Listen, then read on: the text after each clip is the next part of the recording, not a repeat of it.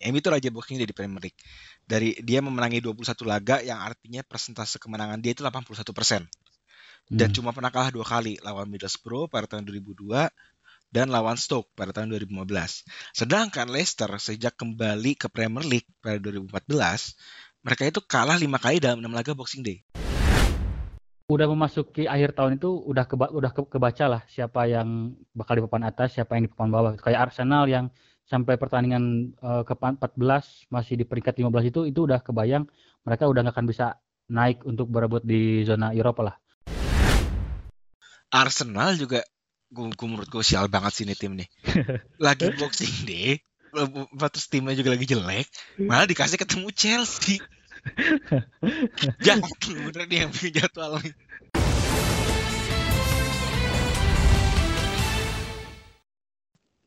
Kembali lagi di Super Soccer Podcast. Halo semua, apa kabar? Semoga sehat-sehat aja ya semua.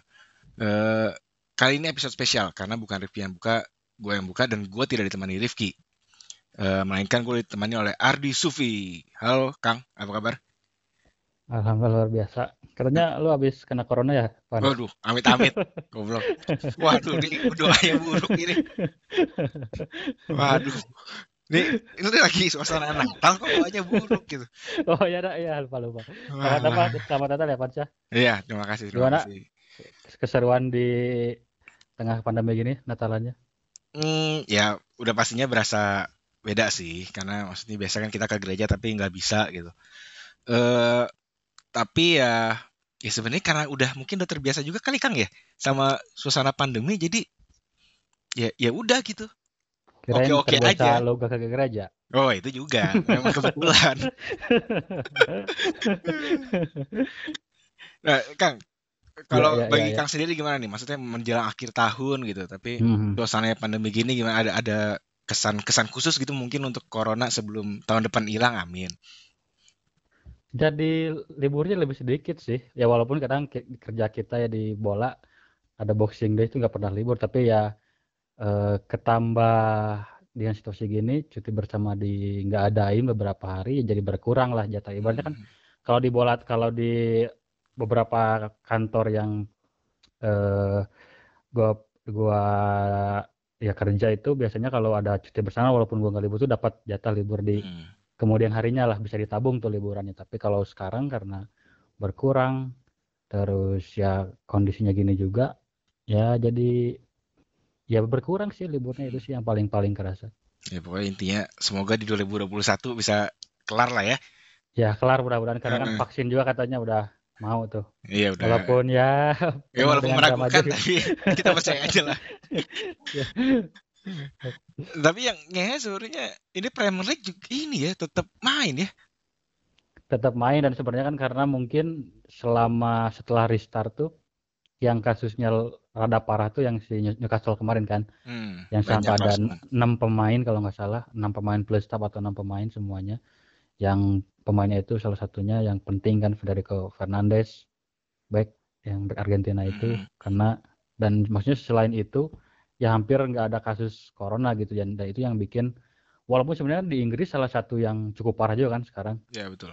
Lagi Eh, ada ini baru ya mutasi baru. Iya katanya bakal ada apa gen apa gen mutasi yang berikutnya lah dari Hmm. eh, dari Inggris gitu. Tapi di Inggris khususnya karena di sepak bolanya ini ya itu tadi baru cuma Newcastle terus eh, lagi dicoba juga supporter mulai datang ke stadion walaupun cuma 2000 penonton ya kalau nggak salah. Ya 2000 penonton. Ya itu berarti ada beberapa wilayah yang memang cukup ya lebih aman lah dibandingkan misalnya di Indonesia gitu yang benar-benar sekarang hampir merata khususnya di Pulau Jawa. Ya sebenarnya walaupun di Inggris pun eh, udah ini ya berkurang. Jadi dulu tuh kalau nggak salah berapa pekan, pekan lalu apa dua pekan lalu gitu. Kayak London sempat Hmm. boleh gitu. Tapi sekarang cuma Liverpool doang yang bisa. Ya, ya, ya, ya, ya. Emang itu tadi doang. lagi-lagi emang lagi ganas-ganasnya di Inggris juga. Nah tapi soal Boxing Day ini maksudnya eh, sebenarnya kan memang tradisi lama ya di sepak bola Hmm, Inggris hmm. gitu dan dan bukan eh, tradisi yang sebenarnya eh, 100% didukung juga gitu. Apalagi di era sepak bola modern ya. Karena kita tahu hmm, liga-liga lain libur sedangkan mereka main di forsir gitu habis-habisan. Hmm. Tapi menurut gua sih kalau gue pribadi ya Hmm. eh, karena kondisinya lagi pandemi begini, justru Hmm. kehadiran Boxing Day ini sebenarnya ya menjadi Iya, hiburan yang lebih. Hmm, hmm, hmm. Walaupun kan gini Van sebenarnya seperti ya seperti yang tadi gue bilang bahwa kalau gue tuh dapat cuti bersama di bisa aja dapat libur di kemudian hari, Inggris pun pada akhirnya kan dapat liburnya itu nanti di Februari kan, Oh iya betul. yang Bisa. ada waktu sekitar satu atau dua minggu itu spare di mana eh, klub-klub Liga Inggris dapat yang gak ada jadwal pertandingan, walaupun di musim lalu ada eh, kontroversi soal jadwal pertandingan replay kan Mhm. yang harus pakai jadwal itu yang bikin Tottenham kalau nggak salah eh, nggak libur di periode itu. Ya tapi setidaknya Inggris yang di yang sebelum-sebelumnya benar-benar full selama 7-8 bulan main bola ya mulai musim lalu dan termasuk juga sekarang ya ada waktu untuk mereka libur lah. Ya tapi itu tadi untuk konteks di kondisi pandemi sih dengan orang-orang yang eh, sudah keseringan di rumah ya benar-benar mungkin ini dinantikan gitu. Ada ada pertandingan sepak bola tiap hari gitu walaupun mereka tidak bisa ke sta- ke stadion. Ya, maksudnya dan sebenarnya bagi kita yang di Indonesia juga pun jadi hiburan ekstra sih. Hmm, hmm, hmm. Eh, Ya kita- apalagi dia kan di tanggal 25 26 kan pasti libur tuh. hmm, betul. Dan ya bisa ibaratnya begadang begadang nonton pertandingan-pertandingan banyak pertandingan pun gak masalah gitu. Dan apalagi maksud gue juga walaupun gue yakin banyak sih yang bakal liburan nih gitu dan semoga yang liburan tetap jaga protokol Iya, sebisa mungkin lah ya. Karena gue gak masalahin gitu loh. Cuman buat mereka yang di rumah gitu kumpul sama keluarga eh, kehadiran Boxing Day ini sih menurut gue benar-benar jadi eh, ya apa ya hiburan tambahan aja gitu. Ketika liga-liga Hmm. lain libur, Premier League tetap full action sampai tahun baru bahkan. Ya, ya. Walaupun kasihan sih pemain sebenarnya ya Kang. Gue bener-bener ngerasa tuh karena jadwal yang sangat padat gitu. Karena bener-bener berasa loh setelah mereka eh, pandemi kan sempat vakum Mhm. tuh berapa bulan. Terus start lagi sampai sekarang tuh non non-stop action. Ya, ya. Bukan cuma kan? di Premier League doang gitu Eh, ya. kalau kalau di musim ini kan karena eh, ke apa ya dampak dari musim lalu yang molor, jadi ngegeser eh, jadwal liburnya itu jadi kepake buat pertandingan di musim-musim lalu di yang per, akhir-akhir pertandingan. Terus pramusim cuma dua musim itu eh, dua dua dua dua pekan atau tiga pekan itu pun ada jeda internasional. Jadi pemain emang benar-benar sampai akhir tahun tuh eh, apalagi buat pemain-pemain Liga Inggris ya dipaksa kerja Rodi dan itu eh, kelihatan lah banyak pemain-pemain yang cedera di eh, di sampai Desember ini di sampai pekan 14 walaupun beberapa klub bisa bisa mengatasinya dengan tetap eh, dapat hasil maksimal seperti Liverpool tapi untuk beberapa klub lain ya yang ke- kedalaman skuadnya nggak cukup bagus itu masalah sih dan bahkan hampir semua pelatih juga mengeluhkan kondisi ini apalagi ket- eh, ketika mereka ya main juga di Champions League, main juga di Liga Eropa, ada Carabao. Ya benar-benar satu bulan tuh bisa main yang biasanya mungkin cuma 4 sampai 6 pertandingan atau 7 pertandingan bisa sampai 10 pertandingan. Ya itu buat pemain sih kayak ya walaupun kita mungkin penonton ya mereka dibayar mahal tapi ya tetap ada hak asasi manusianya lah Ya, yang harus betul. dipertanggungjawabkan. Ya sebenarnya di satu sisi memang kasihan sih, cuma di satu sisi juga gue sebagai penggemar bola ya senang-senang aja kan.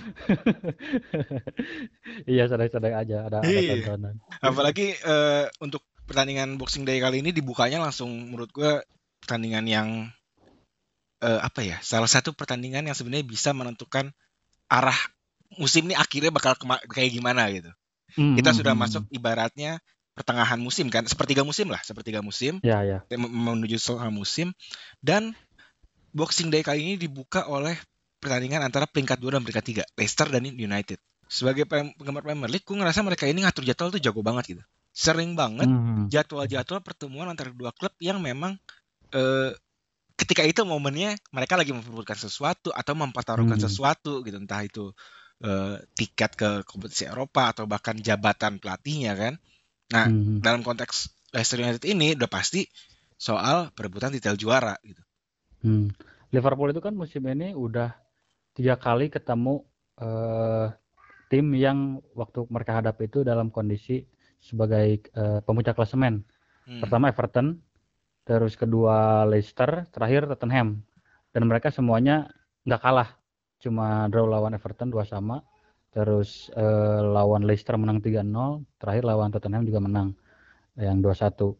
Nah terus sekarang Leicester uh, yang ketemu ya setelah ketemu uh, Liverpool ketika mereka di puncak klasemen ya sekarang ketemu Manchester United yang lagi naik yang yang ketika orang banyak orang yang kritik karena hasil Liga Champions tapi di Premier League karena mereka nabung satu pertandingan jadi kelihatan di bawah terus tapi mereka ketika tim-tim lain lagi kepleset mereka bisa terus konsisten khususnya di tandang ya mereka tiba-tiba ada di atas dan malah jadi salah satu kandidat yang bisa apa ya yang ya ibaratnya secara secara grafik tuh terus menanjak gitu. Hmm. kalau Tottenham kan ya udah mulai agak turun nih. Udah mulai agak turun Leicester udah agak turun Everton apalagi Aston Villa di awal-awal kenceng tapi sekarang juga udah uh, di, di luar lima besar. Jadi ya ini emang emang ya buat ibaratnya kalau kalau buat pertandingan tuh ya jadi jadi ada semakin ada bumbu yang lebih menarik untuk ditonton sih. Hmm. Buat sebenernya, ditonton tuh jadi jadi meningkatkan rating lah ibaratnya. Ya, betul. Dan sebenarnya gue ngeliatnya lebih bukan ke meningkatnya itu bukan meningkat yang eh, gimana banget ya walaupun memang laga terakhirnya di Premier League dia menang menangnya telak banget dan itu peningkatan yang kalau lihat dari skor ya peningkatan gitu. Tapi sebenarnya lebih mm -hmm. kalau MU gitu. Gue ngeliatnya mm. lebih kepada eh, ketika tim-tim lain inkonsisten, MU justru bisa konsisten. Hmm, hmm, hmm, hmm. Karena kita tahu MU itu busuknya ketika di awal musim dan periode itu ibaratnya sudah berakhir. Eh, setelah kalah dari Arsenal, udah tuh hmm. mereka iya, meraih iya. hasil-hasil yang memang sebenarnya mungkin dari awal musim pun mereka sanggup kalau pramusimnya bagus gitu kan. Ya, itu jadi keluhan hmm. memang jadi keluhan semua manajer ya ketiadaan pramusim itu. Yeah, yeah. Jadi yep. gue melihat Mungkin... uh, eh, MU ini ya memang panas gitu. Hmm. hmm. Mungkin sih uh, apa ya ke di kondisi musim ini kan di awal musim memang semua klub juga ada ada masalah dengan pramusim. MU pun pasti mengalami hal itu, apalagi dengan ada pemain pemain baru kayak Alex Telles, ada Danny van de Beek gitu. Dan itu uh, Solskjaer pasti ada dalam uh, posisi di mana dia harus bisa mem memainkan para pemain baru ini untuk masuk ke skemanya karena ketika mereka beli pemain pasti udah oh ini kebayang bakal gini kayak bakal kayak ini. Karena kalau kita lihat di musim lalu MU pun kan sedang dalam kondisi nanjak terus kan sampai akhirnya hmm, ya betul bisa masuk ke Liga Champions gitu. Ya, dan Tapi ketika, itu menang terakhirnya lawan Leicester lagi. Nah iya itu ketika ketika mereka lagi nanjak terus ada pemain baru ditambah pramusim yang sedikit itu adaptasinya bakal nggak dari nol sih tapi maksudnya nggak nggak dari startnya nggak dari nggak bareng-bareng gitu. Hmm, hmm. Itu yang mungkin uh, buat Solskjaer uh, agak jadi tricky lah situasinya. Ada pemain baru yang harus dimainkan dan harus diadaptasikan dengan cepat. Tapi dia tuh sebetulnya udah dapat ritmenya di musim di akhir musim lalu uh, ketika langsung ada di peringkat 4 di akhir musim klasemen. Uh, ya apalagi dengan tekanan di dari supporternya khususnya hasil Liga Champions yang uh, akhirnya tersingkir di Liga Eropa terus ada Van de Beek yang dibeli kayak dibeli tapi nggak dimainin-mainin terus. Gue rasa Van de Beek dibeli cuma biar nggak gabung ke tim pesaing dah. Lain, iya iya. iya. Gue mulai merasa seperti itu. Ya, nah itu makanya jadi ketika ada tekanan bahwa Van de Beek harus main tuh, Solskjaer selalu merasa ada di posisi bahwa gua tuh udah punya the winning team gua, cara tim main gua tuh udah tahu kayak gini karena toh itu terbukti berhasil musim lalu. Uh, itu kan kalau nggak salah dari pertengahan dari awal musim kan dari eh, dari awal tahun sampai akhir musim tuh MU jadi tim terbaik lah. Hmm. Untuk, ini untuk... kalau dihitung sejak Fernandes masuk, hmm. eh, MU itu meraih poin paling banyak setelah Liverpool. Betul betul. Kalau kalau ada klasemen klasemen yang dipotong-potong itu kan MU itu nomor satu kan. Hmm, betul. Nah itu tadi ketika ada pemain baru ya uh, pasti sih pasti untuk untuk untuk untuk pelatih itu bakal ada penyesuaian banyak dari segi latihan, dari ya, tambah pikiran, gimana caranya harus maksimalin pemain ini, apalagi kan eh, pemainnya misalnya dibayarnya lebih mahal, kayak misalnya Edison Cavani gitu. Itu kan harus ada pertimbangan-pertimbangan lain gitu. Sementara ya itu tadi kalau kalau mainin misalnya ketika awal-awal mainin McTominay sama Fred kan banyak dikritik kan, padahal yeah. padahal kalau gue lihat itu udah udah Wah. ajegnya lini yeah. tengah M itu udah mereka berdua betul betul udah nggak udah nggak bisa diganti lagi bahkan sama Matik gitu bahkan sama Pogba sekalipun itu dengan skema seperti ini gitu emang beneran ya Mat, uh, McTominay sama Fred gitu dan ya itu tadi banyak banyak problem yang harus dihadapi oleh Solskjaer ketika dia udah menemu uh, kenyamanan untuk tim ya the winning timnya dia gitu. Dan ini kan uh, MU nih uh, maksud gue hasil demi hasil gitu walaupun memang didapatinya dengan cara comeback gitu comeback yang meragu, hmm. bahkan sebenarnya meragukan lah hmm. karena kan ya lu gimana sih masa kebobolan lebih dulu terus-terusan gitu kan ya, ya. ya memang seru gitu comeback tapi kan nggak gitu juga caranya ya intinya adalah uh, MU ini udah memenangi 10 laga tandang Premier League secara beruntun Hmm, Jika betul. menang lawan Leicester, MU ini bakal nyamai rekor kemenangan tandang beruntun Premier League yang dipunyai oleh dua klub. Satu Chelsea pada April sampai Desember 2008 dan City pada Mei sampai Desember 2017. Hmm. Dan menurut gue ini sebenarnya kayak agak nggak disangka sih. Karena kita tahu maksud gue eh, Chelsea pada 2007-2008 memang kalah dari MU ya secara perebutan titel juara, tapi itu salah hmm. satu tim terbaik ke Chelsea lah menurut gua hmm. karena berhasil hmm, hmm. lolos Liga Champion terus gak berapa final Liga Champion gak berapa lama kemudian bahkan juara gitu dan City pun 2017 benar-benar lagi pick-picknya bersama Guardiola dan MU bisa menyamai rekor itu tuh menurut gua agak absurd anjir bahkan MU yang sekarang gitu bukan MU yang yeah. Ferguson tapi mungkin ini Pan salah satu faktornya kan karena sekarang atau selama 10 pertanyaan itu ya nggak ada penonton gitu Oh itu, itu. pasti ya, betul. ada uh, ya walaupun kalau gua nonton di uh, All or Nothing-nya Tottenham itu uh, di situ diceritakan bagaimana pemain-pemain si Tottenham itu ada yang mengalami depresi lah. Kayak mereka nggak main terus ketika main tuh nggak ada penonton itu ada ada perbedaan psikologis ketika mereka bermain dan itu memang harus didampingi psikiater buat membangkitkan apa ya ya supaya mereka main seperti biasa. Dan ini pasti uh, ya walaupun ya kita nggak merasakan langsung pasti itu ada pengaruhnya lah. Dan uh, eh, MU pun ketika main di kandang yang biasanya bagus kalah juga gitu dan bahkan hmm. lebih jelek ketika main tandang gitu. Itu itu yang bikin mungkin kenapa ini bisa terjadi di MU sekarang yang sebetulnya ya cukup diragukan tadi. Sebenarnya mungkin ya mungkin. Uh, eh, gue pernah baca sebenarnya kayak uh, ketika akhir musim lalu gitu di, di, di dikupas dong kan soal uh, perubahan yang terjadi se, sebelum pandemi dan setelah pandemi gitu sebenarnya nggak banyak perubahan di soal main kandang dan tandang tapi hmm. khusus kasus MU sekarang dan kita ngeliat performa MU yang sekarang bisa dibilang sebenarnya MU justru diuntungin ketika tandang ya, itu tidak ya. ada fans hmm, hmm, hmm. dan kalau kalau nyambung ke yang tadi ya yang soal uh, eh, MU harus comeback terus karena ini udah berkali-kali sebenarnya ini bukan apa ya bukan sesuatu yang eh, bukan jelek ya tapi mungkin perlu jadi perlu jadi eh, evaluasi khusus buat software ketika eh, mereka nggak bisa cetak gol terus kebobolan menit-menit akhir misalnya mm-hmm. itu yang bahaya kan sebenarnya Betul. karena kalau kalau ketika kebobolan di menit menit-menit awal itu masih bisa ada misalnya kebobolan di menit 10 menit 3 masih ada sisa pertandingan yang uh, untuk bikin cetak gol gitu untuk mm-hmm. menyamakan kedudukan untuk membalikan keadaan. Tapi ketika misalnya lagi kondisi 0-0 terus ke bola menit 80 itu yang yang bakal bahaya buat buat uh, hasil akhir gitu. Tapi dengan ini sering terjadi sih mungkin mungkin ada uh, strategi khusus yang memang uh, Solskjaer terapkan ketika pertandingan memasuki babak dua.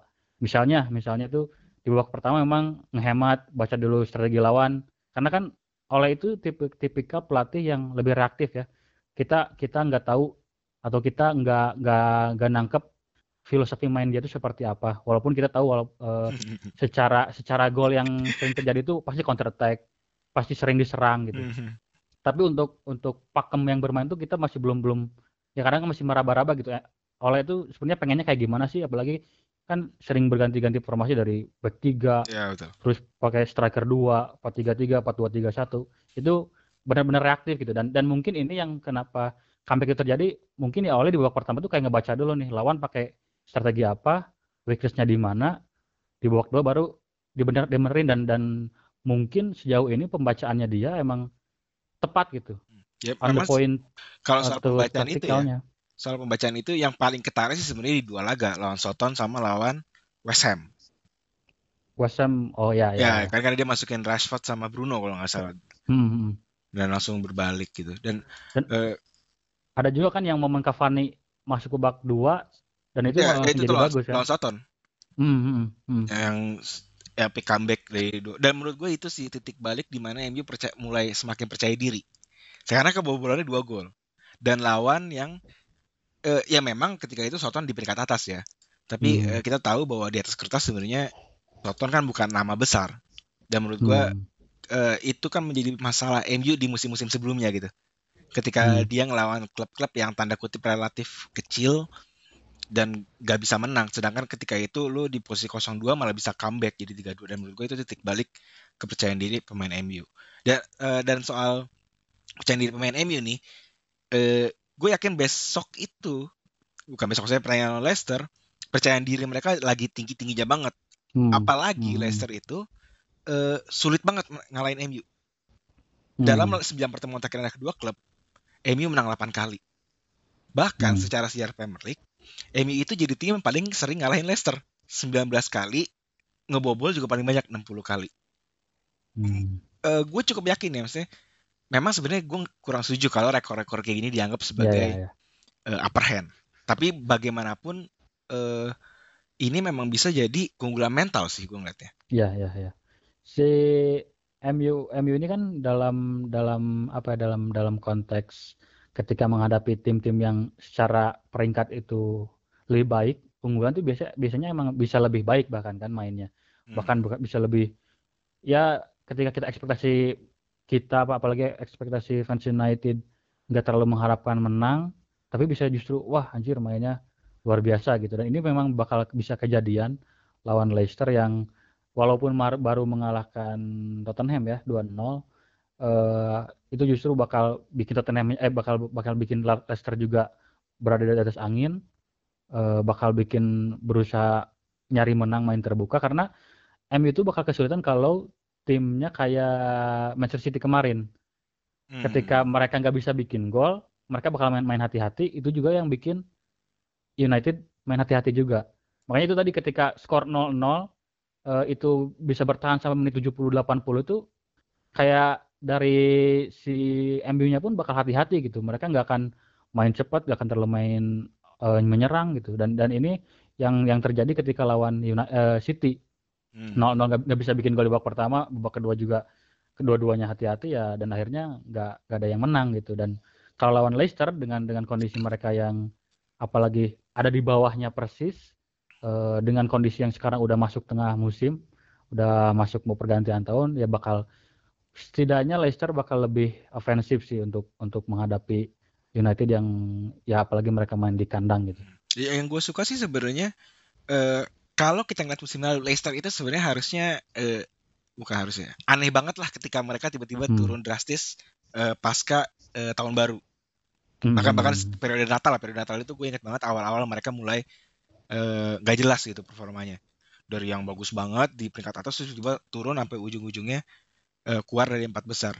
Dan gue melihat uh, laga ini nih sebenarnya menjadi laga buktian gitu antara Leicester dan United bahwa siapa sih yang paling bagus di antara mereka dan mampu bersaing di empat besar. Hmm. Ya yang paling pantas lah bersaing di di di arena empat besar itu siapa sih gitu. Karena kan hmm. kita tahu dua-duanya juga lagi nanjak. Ya. Tapi Leicester ini sebenarnya kalau kalau e, ngebahas dari musim lalu sampai musim sekarang tuh mereka itu agak tidak diuntungkan dengan kondisi banyaknya pemain kunci yang cedera. Hmm. Caglar Soyuncu itu uh, di dari uh, periode Leicester turun dari musim kemarin tuh itu dia cedera, apalagi Ricardo Pereira juga cedera, Ben Chilwell cedera di pertengahan musim kemarin. Terus musim masuk musim sekarang Soyuncu masih cedera, makanya sekarang back tengahnya itu Christian Fuchs, uh, Johnny Evans sama Fofana kan, pakai hmm, tiga back yang ngorbanin Harvey Barnes yang secara permainan itu lebih sangat lebih menyerang gitu. Biasanya kan pakai formasi 4-4-2, Harvey Barnes itu paling paling lebih bahkan lebih, kalau secara statistik itu lebih membahayakan dibandingkan Jamie Vardy sekalipun gitu.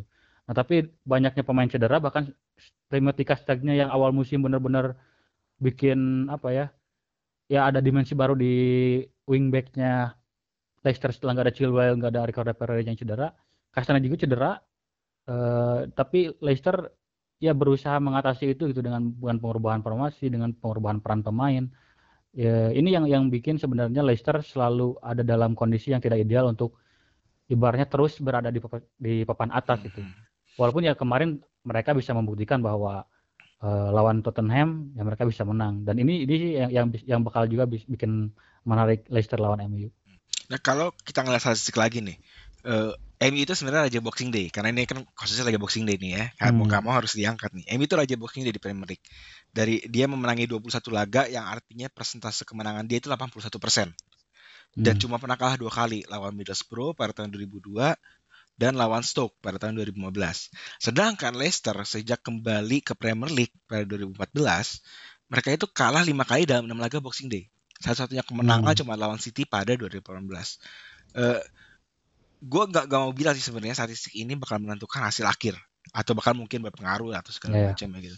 Dan lebih kepada uh, ada kemungkinan sebenarnya Leicester ini bakal mengganjal MU menurut gue ya Kenapa? Karena hmm. kalau ngeliat permainan dari lawan Tottenham, uh, Leicester itu main rapih. Dia hmm. nguasain bola dan tahu bola itu mau dikemanain. Oke. Okay. Hmm. Menurut Kang Adi gimana gitu? Saya kalau ngeliat sengaja ngeliat taruh lah dari hmm. permainan dia terakhir lawan Spurs. Nah, Brendan Rodgers ini tipe pelatih juga yang kayak Lampard, kayak Solskjaer yang secara filosofi bermain tuh nggak nggak terlalu pakem lah. Mereka pasti ngubah-ngubah uh, cara main walaupun ya ada taktik mikro taktik mikro taktik yang selalu dimainkan di setiap pertandingan tapi yang mereka selalu berusaha menyesuaikan strategi itu gimana lawannya main gitu mm-hmm. itu terjadi ketika uh, Leicester lawan Liverpool Leicester di puncak klasemen yang diprediksi bisa apa ya bisa ngasih kejutan lah atau bukan bisa ngasih kejutan bisa terus berada di puncak klasemen gitu karena mereka lagi bagus tapi mereka malah main dif lebih defensif jauh lebih defensif dari pertandingan sebelumnya. Gue gua ingat ini karena gue sempat masang Fardi di pertandingan itu di FPL dan gue yakin apalagi Liverpool itu kalau nggak salah itu baru Virgil van Dijk baru cedera terus uh, Fabinho baru cedera pokoknya lini pertandingan itu habis lah. Mm -hmm. tapi justru uh, Rodgers main sangat defense dan Liverpool menang 3-0 gitu. Ini juga yang yang yang yang yang menurut gue bisa jadi 50-50 buat ya kalau kalau lo bisa agak agak punya kemungkinan atau ada potensi Leicester bisa lebih dominan dari uh, United dan bakal ganjal United. Tapi kalau gue sih uh, ada kecenderungan Leicester ini ka, bisa kepleset ketika mereka terlalu ekstrim mengubah strategi atau ya pembacaan Rodgers di pertandingan itu salah gitu. Hmm. seperti yang lawan Liverpool. Ya di, di lawan Tottenham betul. Tapi ketika lawan United sering seperti apa kan kita nggak tahu gitu. Dan ini yang yang menurut gue sih masih belum bisa diterka apakah uh, Leicester bakal bisa mengganjal United atau enggak. Jadi kurang lebih sebenarnya pertandingan besok itu kalau ngebaca Leicester itu kayak itu ya video-video prank yang Natal tuh nggak yang bocah di dikira dikasih PS5 nggak taunya isinya nggak jelas semua. Iya iya. ya hoki gitu kalau dapetnya beneran PS5 tapi, tapi kita nggak tahu uh, gimana. Nambahin yang tadi soal Boxing Day mungkin kalau misalnya kenapa uh, eh, MU bisa menang 21 pertandingan uh, lebih banyak uh, menangnya daripada kalahnya mungkin di musim-musim lalu atau di uh, periode-periode lalu tuh MU punya cukup pedalaman skuad karena kan kalau Boxing Day itu identik dengan rotasi pemain kan. Betul. Jarak pertandingan cuma 2 3 hari bahkan satu hari uh, ibaratnya istirahat cuma satu hari udah langsung main lagi. Kalau pemainnya enggak rotasinya enggak bagus atau pemain yang menggantikannya enggak bisa menjaga kualitas itu kan yang bikin timnya stabilitas tim bisa terganggu lah gitu dan hmm dan Leicester yang kita tahu sejak mereka masuk Premier League terus uh, juara itu kan memang nggak terlalu punya kedalaman squad yang bagus ya. Jadi pasti penyerangnya Jamie Vardy, pasti backnya misalnya Wes Morgan, pasti uh, James Madison, pasti Harvey Barnes, pasti back kirinya Christian Fuchs bahkan sampai sekarang gitu. Itu yang yang bikin Leicester mungkin nggak terlalu bagus di uh, Boxing Day. Mereka pemain-pemainnya misalnya 11 pemain kuncinya itu udah terlalu diforsir di misalnya di dua, dua atau tiga pertandingan secara beruntun sementara United yang ya walaupun ketika mereka secara kualitas squad nggak semewah klub top lain ya kualitas pemain mereka pasti lebih baik ibaratnya dari dibanding klub-klub papan tengah ke bawah gitu bahkan, itu yang mungkin yang bikin ya, United bisa lebih oke okay di Boxing Day. Ah, bahkan sebenarnya kalau ngomongin soal kedalaman squad ya, kedalaman squad MU musim ini tuh bagus banget sih kalau menurut gue pribadi ya. Karena contoh lah mereka baru main tuh kemarin lawan Everton hmm. di Carabao Cup pertengahan pekan kan. Oh iya iya iya. Jangan Leicester nggak main gitu. Tapi faktanya adalah ketika itu uh, Emi nurunin pemain yang tanda kutip lapis dua kecuali Maguire dan eh siapa? Eh, Bruno, bukan lapis dua sih, eh, melakukan sembi, eh, si sembilan pergantian sembilan pemain. perubahan Mm-mm. Dan dan maksudnya ke- ketika di, di, penye- di penyerangnya itu Edinson Cavani itu kan udah kualitas yang berbeda gitu dengan Iya, betul. dibandingkan tim lain gitu itu em- emang emang emang ya mungkin ya ketika kita ngelihat Donny van de Beek yang jadi bintang di Ajax jadi cadangan di MU pun itu udah jadi salah satu gambaran sih bahwa MU punya cadangan yang cukup mewah di musim ini. Oke, pertanyaan pentingnya lah kalau gitu. Apakah hasil akhir ini bakal menentukan perebutan titel juara?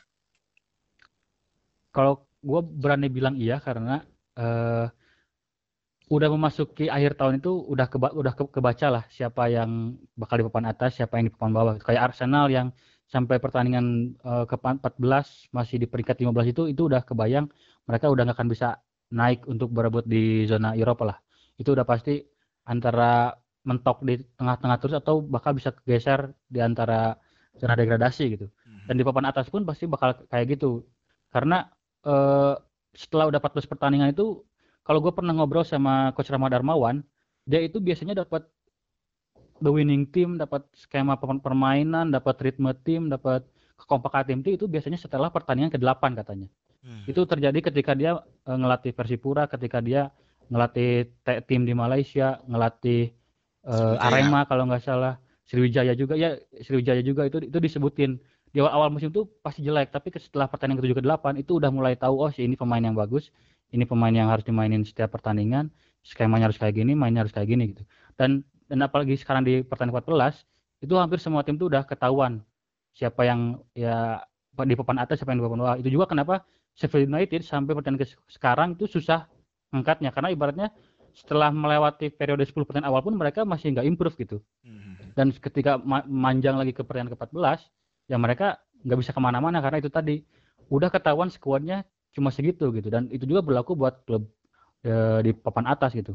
Nampaknya ketika sekarang eh, Leicester lawan Man United dengan kondi- kondisi yang posisi kedua dan ketiga ini ketemu ini harusnya udah bakal menentukan perebutan juara sih. Karena ketika kalah itu pasti akan ada pukulan mental yang bikin mereka harus eh, bounce back-nya itu bakal lebih sulit lah. Ibaratnya sekarang selisih satu poin, kesalip selisih dua poin itu ibaratnya udah kayak kalah lima poin gitu karena ini kalahnya dari tim Ya, apa ya, tim-tim di betul, bawahnya gitu karena ketika nanti di dalam kondisi harus kejar tiga poin itu nggak akan ketemu lagi tim yang di atasnya gitu Betul, betul. harus harus ber- bertaruh ke tim yang dilawan sama rival eh, di atasnya gitu ini bakal jadi dengan situasi yang seperti bakal bakal bakal penting sih buat perebutan juara Oke.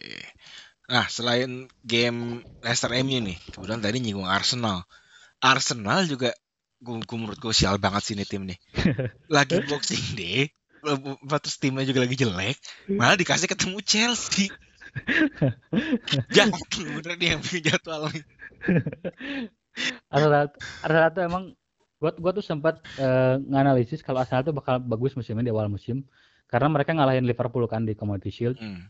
terus mereka juga sempat eh, nyaris lah masuk eh, ke Liga Champions walaupun akhirnya cuma dapat Liga Eropa. Tapi itu menunjukkan di akhir musim kemarin mereka bagus. Nah terus di awal musim mereka lanjut juara Community Shield eh, ini apa ya?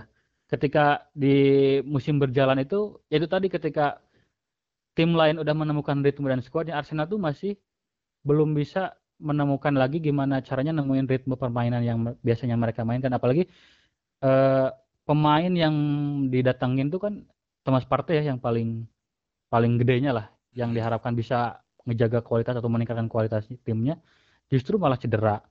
Terus Aubameyang yang sempat di permasalahan soal gaji justru setelah naik gaji malah nggak ngegolin gitu ini lebih ke problem apa ya kalau kalau gue sih kayaknya mikir ini masalah di ruang ganti sih Ya, Arteta nggak- gue bisa- sepakat. Arteta nggak bisa mengangkat motivasi timnya supaya lebih bagus mainnya, lebih benar main taktiknya, lebih benar main bolanya. Di di pemainnya pun nggak ada pemain yang mungkin bisa bisa ya ketika di lapangan tim. itu kan heeh, bikin bikin bikin wah gua punya leader yang bikin tim ini ngangkat gitu walaupun dalam eh, ketinggalan walaupun eh, lagi situasi yang pelik sekalipun gitu dan Arsenal pun uh, gak punya pemain itu gitu. Ya bahkan kan ketika kapten itu kapten Arsenal itu Granit Xhaka itu bahkan banyak legenda, legenda Arsenal yang gak suka kan. Hmm. Uh, Thierry Thierry Henry yang di sama Patrice Evra dibocorin tuh ketika mau nonton Arsenal tapi kaptennya Granit Xhaka tuh jadi gak jadi nonton gitu. itu sesuatu hal yang sangat krusial sih untuk leadership di tim gitu. Hmm. Apalagi dengan situasi sekarang yang terus uh, dapat hasil buruk, apalagi nyaris degradasi dan klub sebesar dalam tanda kutip sebesar Arsenal gitu. Karena karena kalau kalau uh, gua gitu ya merasakan sebagai misalnya pelatih uh, ketika tim gua kalah itu memang ada psikologis yang anjir tadi itu harusnya gua harus kayaknya main taktiknya kayak gini harusnya maininnya hmm. si ini hmm. harusnya pergantiannya si ini gitu dan ketika gua selalu ter ter apa ya terbelenggu sama pikiran di pertandingan sebelumnya kita nggak bisa move on lah itu bahaya banget buat buat next pertandingannya. Berarti sebenarnya bisa enggak sorry ya. Bisa dibilang sebenarnya Arteta juga berada dalam apa uh, kondisi itu ya. Karena kalau lu ngeliat uh, beberapa komentar dia dalam pertandingan beberapa laga terakhir itu selalu ngebahas kayak di pertandingan sebelumnya tuh gue harusnya menang di pertandingan sebelumnya tuh ada yang salah hmm. ada yang hmm. aneh gitu loh ya ya, ya. dia dia nggak kan pernah kan... bahas uh, ke depannya justru malah bahas sebelum sebelumnya ya ya makanya uh, eh, gue juga kan pernah nulis tuh di Pandit pelatih itu kan tempatnya salah gitu dan setiap pertan setiap momen tuh setiap pertan setelah pertandingan sebelum pertandingan saat pertandingan itu udah pasti akan melakukan sebuah kesalahan gitu nah ketika psikologi si pelatih ini menghadapi kesalahan itu yang bakal menentukan dia dan timnya itu bakal bisa melangkah sejauh mana buat pertandingan-pertandingan berikutnya. Karena itu udah bahaya banget kalau misalnya si uh, eh, gue atau lo deh misalnya lagi main tapi uh, nggak konsen gitu. Misalnya lo, lo mikirin mm-hmm. uh, misalnya kecengan lo jalan sama orang lain gitu.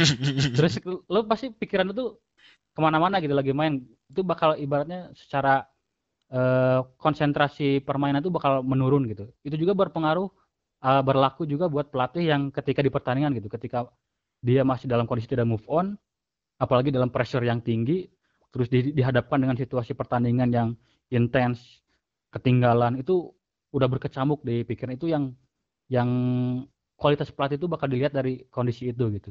Ya sebenarnya memang Arteta, gue bukannya meremehkan Arteta ya, karena di awal-awal pun gue melihat Arteta uh, pelatih yang oke okay lah secara uh, pengetahuan mungkin ya, secara inovasi, karena dia belajar langsung dari Guardiola kan. Hmm. Uh, dan itu dalam beberapa permainan Arsenal musim lalu kelihatan lah build upnya hmm. dari belakang, terus mau ngapain tuh ketahuan lah. Tapi ya, kemudian ya. kalau posisi kayak gini dan lu nggak bisa keluar, menurut gue itu menjadi masalah yang kemudian e, baru kelihatan nih, hmm. atau baru ngeh. Ya Arteta memang nggak pernah ngelatih tim, nggak ya, pernah betul, jadi pelatih betul, utama betul. gitu. Dia tidak betul. punya pengalaman itu. Hmm. Dan mungkin nah, itu juga yang menjadi kesalahan manajemen Arsenal mungkin ya menurut gue. Ya tidak didukung dengan uh, supporting tim yang bisa mem yang membuat dia karena kan ibaratnya pelatih itu apalagi di media, di modern sekarang tuh nggak cuma satu tas gitu banyak tas yang harus dikerjakan dan itulah kenapa banyak uh, lapangan kerja baru di klub ya di sebuah klub itu kayak scout scout itu bisa terbagi-bagi ada scout lawan scout tim sendiri bahkan sekarang ada uh, tim fisioterapis itu ada banyak gitu. Dan dan Arteta ini kayaknya kurang mendapatkan support atau tidak mendapatkan support yang seharusnya ya dia dapatkan misalnya khususnya dalam kondisi seperti sekarang. Kalau uh, gua nonton di dokumenternya Manchester City yang All Nothing itu Arteta itu memang lebih ke taktikal dibandingkan uh, asisten pelatih lainnya. Kan ada banyak tuh asisten pelatih Pep Guardiola itu kalau nggak salah ada 11 atau 16 itu. Arteta ini memang khusus yang uh, taktik gitu. Hmm. Dan di situ tuh memang nggak ada uh, momen atau cuplikan video yang menunjukin Arteta meluap-luap ketika ngasih uh, apa namanya gitu. ngasih briefing, ngasih taktik. Karena kalau dibandingkan dengan asisten pelatihnya uh, Jose Mourinho di Tottenham sekarang, oh, itu iya. justru banyak uh, justru Joe Sacramento kalau nggak salah namanya. Setiap sebelum pertandingan itu yang ngasih brief taktik itu justru si ya, Joe Sacramento. Dan itu tuh dengan nada yang bahkan seperti si Joe Sacramento yang pelatihnya gitu, bukan Jose Mourinho. Jose Mourinho justru malah lebih ke man manajemennya gitu, lebih ke gimana ketika menghadapi half time, gimana ketika menghadapi kondisi pemain pengen pindah, pemain pengen dimainin. Di situ justru Jose Mourinho bakal keluar tuh karismanya. kualitasnya itu bakal keluar. Nah Arteta itu di setidaknya di video uh, All or Nothing itu nggak ada uh, cuplikan yang di mana dia itu emosional seperti Pep. Itu kan Pep kalau kalah atau ya pengen demanding sesuatu tuh hmm. menunjukkan gitu. Bahkan di pertandingan pun kan kayak gitu gitu. Dan Arteta tuh hampir nggak pernah kelihatan seperti itu. Dan itu juga kayak menggambarkan mungkin ruang ganti di Arsenal seperti apa gitu. Ketika Sebenarnya, kalah tuh dengan dengan ada yang mungkin betul betul. ya bro kalah bro gimana bro gitu. Ya uh -huh. ada membakar semangat gitu. Dan bahkan kalau kita ngeliat komentar-komentarnya dia di apa di pasca pertandingan gitu ya dia hmm. itu bahkan eh, lebih cenderung menyalahkan ketidakberuntungan sih Hmm, ya betul. Ini ya, baru ya, ya, gue terakhir baca juga gitu, ya dislike soalnya dislike. jadi menurut gue itu agak ayah kurang banget sih jadinya. Nah tapi satu yang penting sebenarnya gini, Arsenal ini kan udah tujuh laga nih gak menang di laga Premier League terakhir gitu. Jika hmm. gagal menang Chelsea, itu bakal jadi uh, menyamai rekor terburuk klub 8 kali yang ketika itu terjadi pada November 92 sampai Januari 93. Tapi hmm. Arsenal bisa sedikit uh, pede lah ya tanda kutip ya karena dia nggak terkalahkan dalam 12 laga kanda Boxing Day. 10 hmm. kali menang, dua, dua kali imbang. Terakhir kalah itu lawan Nottingham Forest pada tahun 87. Pertanyaan gua, uh, ini menurut gua laga yang monumental lah bagi Arsenal sebenarnya. Hmm. Dan bagi masa depan dia juga. Karena lawannya juga kebetulan Chelsea ya, derby apa hmm. tim sekotanya dia. Kalau misalnya kalah yang artinya itu dua rekor dia tadi langsung hilang gitu Hmm. Ya selalu disamai sih, cuma kan rekor negatif. Hmm. Uh, Arteta ini bakal dipecat Kalau gua lihat Arsenal sebagai klub sih kayaknya belum, nggak akan langsung kalah dipecat gitu. Bahkan lawan karena Chelsea kan, ini. Iya ya, karena kalau kalau gue itu Arsenal itu tipikal klub yang uh, apa ya cukup memberikan waktu cukup lama lah. Seenggaknya Unai Emery pun kalau nggak salah baru di uh, awal tahun kalau nggak salah baru nunjuk Arteta. Hmm. Kalau nggak salah itu itu di, setelah baru baru setelah melewati Boxing Day. Kalau kalau misalnya setelah lawan Chelsea kalah itu masih masih ada dua pertandingan setidaknya untuk uh, bounce back gitu untuk membuktikan lah kualitasnya. Tapi untuk lawan Chelsea itu kayaknya enggak gitu. Karena itu tadi Arsenal itu tipikal klub yang bisa memberikan waktu untuk lama, uh, memberikan kesempatan uh, yang banyak ke pelatih ya walaupun Unai Emery tidak sebanyak yang didapatkan oleh Arsene Wenger. Hmm. Tapi ya ini sebagai gambaran uh, dengan kondisi sekarang sih mungkin manajemen pun bakal apa ya memaklumi dalam tanda kutip uh, ketika dilatih Unai Emery pun Arsenal main gak bagus itu. Sekarang ganti pelatih Arteta pun sama gak bagus itu. Jadi kalau menurut gua sih mungkin akan diberi kesempatan sampai setidaknya melewati bursa transfer di Januari sih. Oke. Okay. Tapi mungkin sebenarnya yang penting dia nggak terlalu jatuh tenggelam sih. Ya, ya, ya, ya. Karena kan uh, setidaknya Aubameyang udah mulai ngegolin, terus uh, lawan Southampton bisa draw gitu. Sementara Southampton kan sekarang lagi bagus di atas. Itu sih nunjukin bahwa ya Arsenal walaupun belum ke track yang benar tapi ya mulai ada peningkatan ya walaupun sedikit. Hmm. Nah kalau gitu berbanding terbalik sama Arsenal yang justru harus tegang, tegang lumayan tegang lah sebenarnya di zona degradasi walaupun gue cukup yakin dia nggak mungkin degradasi sih. Iya iya. Lawannya Chelsea bersaing di papan atas walaupun memang belum memuaskan. Hmm. Uh, Lampard sendiri bilang sebenarnya Chelsea belum bisa jadi penantang gelar juara. Tapi kalau dia menang lawan Arsenal, sebenarnya posisi dia bakal makin oke okay Hmm. Nah, Chelsea kan sebenarnya uh, ada dalam kondisi di mana uh, ketika musim lalu mereka cukup settle dengan skuad muda uh, Inggrisnya, sekarang tiba-tiba datang banyak pemain bintang dengan harga mahal uh, yang cukup bisa mengubah setengah uh, komposisi tim dari musim lalu gitu. Itu menurut gua bakal butuh waktu untuk nemu uh, ritme yang yang yang bisa uh, capai potensi maksimal lah gitu. Sementara sialnya banyak pemain-pemain baru ini yang bergantian cedera gitu. Nah, ya, Thiago, Thiago Silva, Kai Havertz kena COVID, terus sekarang Ben Chilwell. Ya sama James juga kayak besok belum tentu main tuh. Hmm, gitu. Ini yang yang bikin uh, Lampard merasa tidak pede gitu ketika dia dia cukup diunggulkan tapi dia tahu gitu bahwa untuk menggabungkan banyak pemain baru dalam satu tim uh, dengan waktu singkat itu bukan hal yang mudah gitu. Makanya dia tidak pede dengan bahwa Chelsea dengan pemain-pemain yang bagus ini nggak akan langsung jadi title challenger gitu. Walaupun sebenarnya sih ini kalau kita ngomong statistik lagi nih ya, Chelsea Hmm. itu dikdaya lah Arsenal lah. Dia tuh eh, dalam 17 pertemuan Premier League terakhir cuma kalah dua kali, menang 9 kali. Hmm. Eh, lalu Chelsea itu sejauh ini menjadi tim paling produktif kedua di Premier League, 29 gol cuma kalah dari Liverpool. Sekaligus menjadi tim dengan pertahanan terbaik ketiga, cuma kemasukan 14 gol karena kita tahu Mendy itu bisa sheet terus gitu loh. ya ya. Bingung gue juga. Cuman kalau ngelihat statistik itu gitu, sebenarnya kan ini ya ini kemungkinan besar sih besok menurut gua Chelsea bakal ngebantai Arsenal. Iya, benar. Ya kalau kalau kalau dalam konteks pertandingan Arsenal lawan Chelsea emang kalau ibaratnya udah ya ketika Chelsea bakal eh, menang tuh udah sesuatu hal yang bakal wajar gitu. Terus kalau misalnya menangnya bisa sampai 2-0, 3-0 tuh bukan hal yang aneh juga gitu.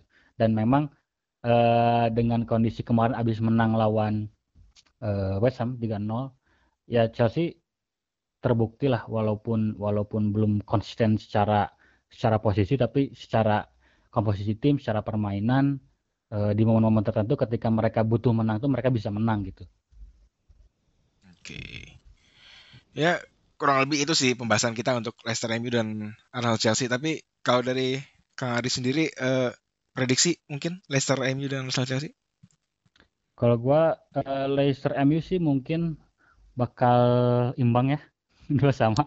Bisa jadi karena Leicester nih menjadi jadi tim satu-satunya belum pernah imbang nih di Premier League. Biasanya kalau momen-momen kayak gini tuh kejadian. ya ya eh, gua walaupun agak meragukan Leicester apa ya secara secara pendekatan strategi di pertandingan-pertandingan krusial. Tapi kemarin lawan Tottenham dia bisa melakukan sesuatu hal yang positif dan mereka bisa kembali lagi ke atas. Jadi mungkin ya Brandon Rodgers bisa belajar pengalaman dari kekalahan lawan Liverpool gitu. Bahwa mereka mau bahwa ketika lawan eh, tim bagus yang menentukan posisi klub itu ya harus ada penanganan khusus lah atau harus pakai strategi tertentu gitu. Dan itulah eh, kenapa gua eh, prediksi Leicester ini bisa berbuat sesuatu lah lawan MU Mhm. Arsenal Chelsea ya Arsenal Chelsea menang lah Chelsea menang Chelsea masih. Gak ada kejutan dari Arsenal nih. enggak sih belum belum belum Walaupun derby. Mungkin kan asalnya suasana Walaupun- derby kan siapa tahu membangkitkan semangat gitu. soalnya Aubameyang pun kan sekarang kalau ced- lagi cedera tuh Ya masih meragukan. terus eh Gabriel tuh absen gak sih yang kemarin kan sempat kartu merah Hmm, dia kartu merah bukan straight red card sih. oh tahun striker ya Heeh, jadi ada kemungkinan. oh dan kemarin nggak main di Carabao Cup juga kan ya Mm-mm, betul. karena kan berlaku ya. Tapi secara secara secara secara tren per- permainan kedua tim sih, gue masih yakin bahwa Chelsea bisa menang sih. Oke. Oke Kang, thank you eh, atas insight-insightnya yang sangat menarik. Siap siap. Eh, sama-sama. buat teman-teman semua, eh, jangan lupa eh, saksikan Boxing Day. Cuman di Mola TV. Eh, Leicester MU mulai jam 19.30, sedangkan hari Sabtu jam 19.30, sedangkan Arsenal dan Chelsea main tanggal 27 hari Minggunya jam setengah satu pagi. Dan tentunya pertandingannya bukan cuma dua itu doang. Ada banyak pertandingan lain termasuk eh, City Newcastle, terus ada juga eh, Liverpool dan West Brom. Oke, semua bisa lo dapetin cuman bayar 65.000 sebulan. Eh, jangan lupa follow semua media sosial kita Super Soccer dan sampai kita ketemu di episode berikutnya. Terima sekali lagi terima kasih Kang. Siap sama-sama juga fans.